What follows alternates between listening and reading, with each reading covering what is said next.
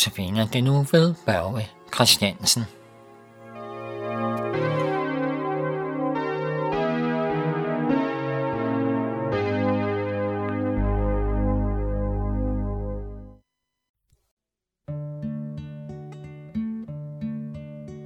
Om nogen nu mig spørge vil om grund til særlighed, som der hører mere til, som man bør have med. For uden Jesus og blod, som han for verden flyder lod, jeg svarer med et frejdigt mod, min grund er Jesu blod.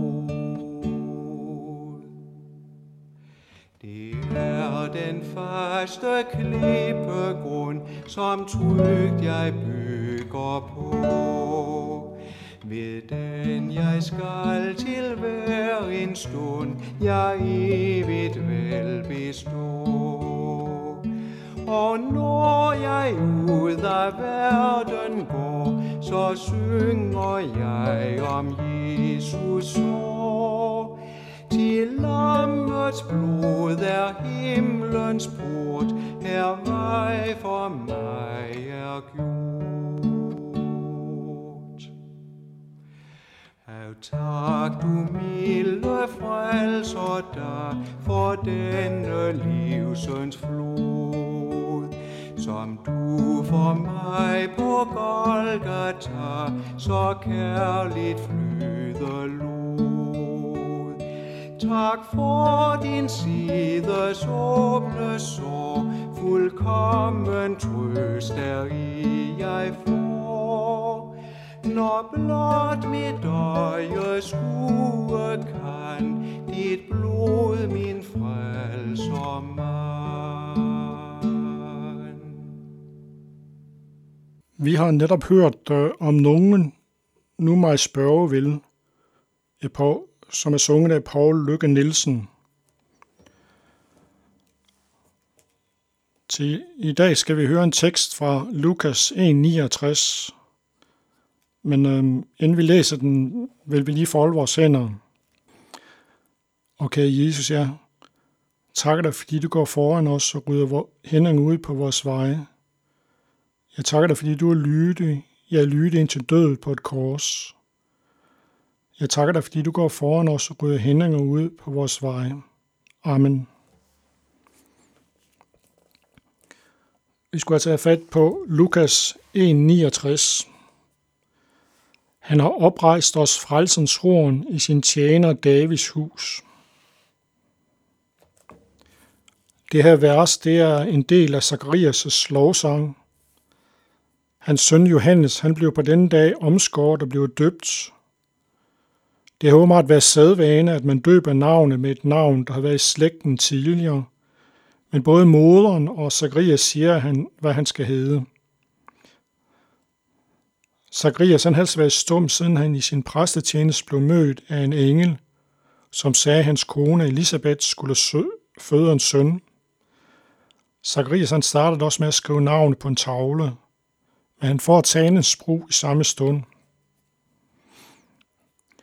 Det fremgår af Lukas 1,67, at Zacharias han taler profetisk, og han fortæller også, at et barn blev født i Davids slægt. Det vil sige, at vi altså taler om et barn af kongenes slægt, og det barn, det var Jesus. Jesus han var ypperste præst og konge. Det var altså ikke sin egen søn, som han talte om her. Johannes han har fået til opgave at omvende Israels børn til Herren, deres Gud. Det ser vi i Lukas 1,16. Johannes han står ude i ørkenen og giver en omvendelsesdåb. Lukas 3,7. Og Jesus han kommer ud til ham og ønsker at blive døbt, hvilket Johannes synes er underligt, for han mener, det burde være omvendt. Johannes føjer dog Jesus, og Helligånden dalede ned over ham i form af en due, og der lød en røst fra himlen. Du min elskede søn, i dig har jeg fundet velbehag. Johannes siger om Jesus, Se det Guds lam, som bærer verdens synd. Johannes 1,29 Vi har nu fået opklaret, hvad der var Johannes støbers opgave, men hvad var Jesu opgave? Det er om ham, at Zacharias siger, at han er oprejst som et frelseshorn. Vi hører om en, der griber ældres horn i 1. kongebog 51, og han slipper for døden. Vi er dog egentlig alle skyldige til døden som Antonia, jævnfør Romerne 3.23. For alle har syndet og mistet herligheden fra Gud. Men heldigvis fortsætter det i Romerne 3.24. Og ufortjent gør os de uretfærdige, og ufortjent gør os de retfærdige hans nåde ved forløsning i Kristus Jesus. Ja, vi havde fortjent døden, men Jesus døde på korset, og der blev alle vores sønder navle til korset. Han tog vores straf på sig. Vi kan derfor glæde os med Zacharias over, at han har oprejst os frelsens horn i sin tjener Davids hus. Vi kan derfor takke for frelsen, og os, som ikke havde fortjent blev frelst, gør han fri. Amen. Vi skal nu høre ren og retfærdig som er sunget af støv.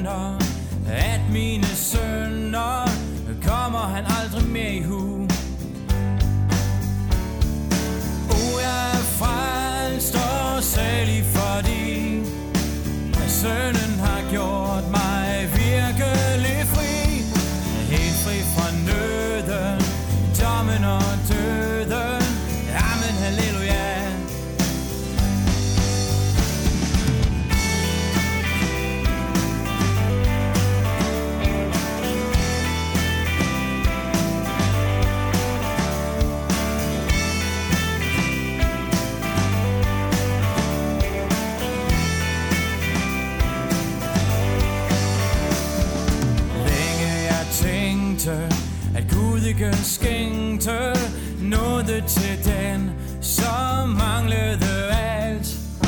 Jeg ville lide, jeg ville kæmpe og stride, for at få hele gælden betalt.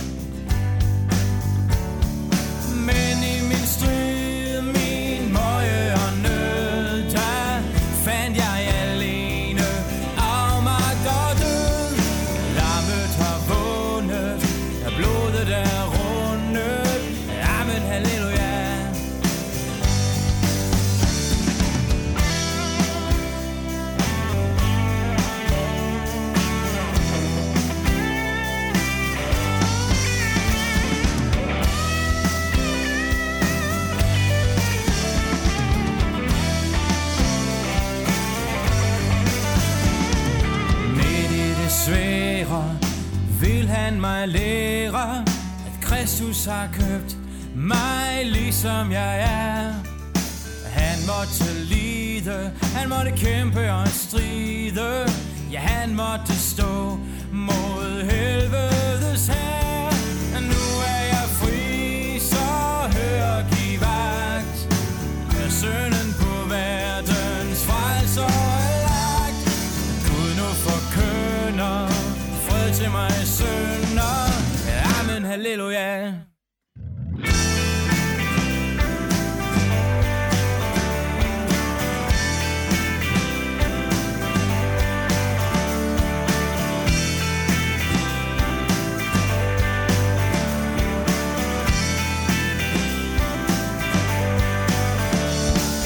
Gud forkønner fred til mig sønder. Amen, halleluja.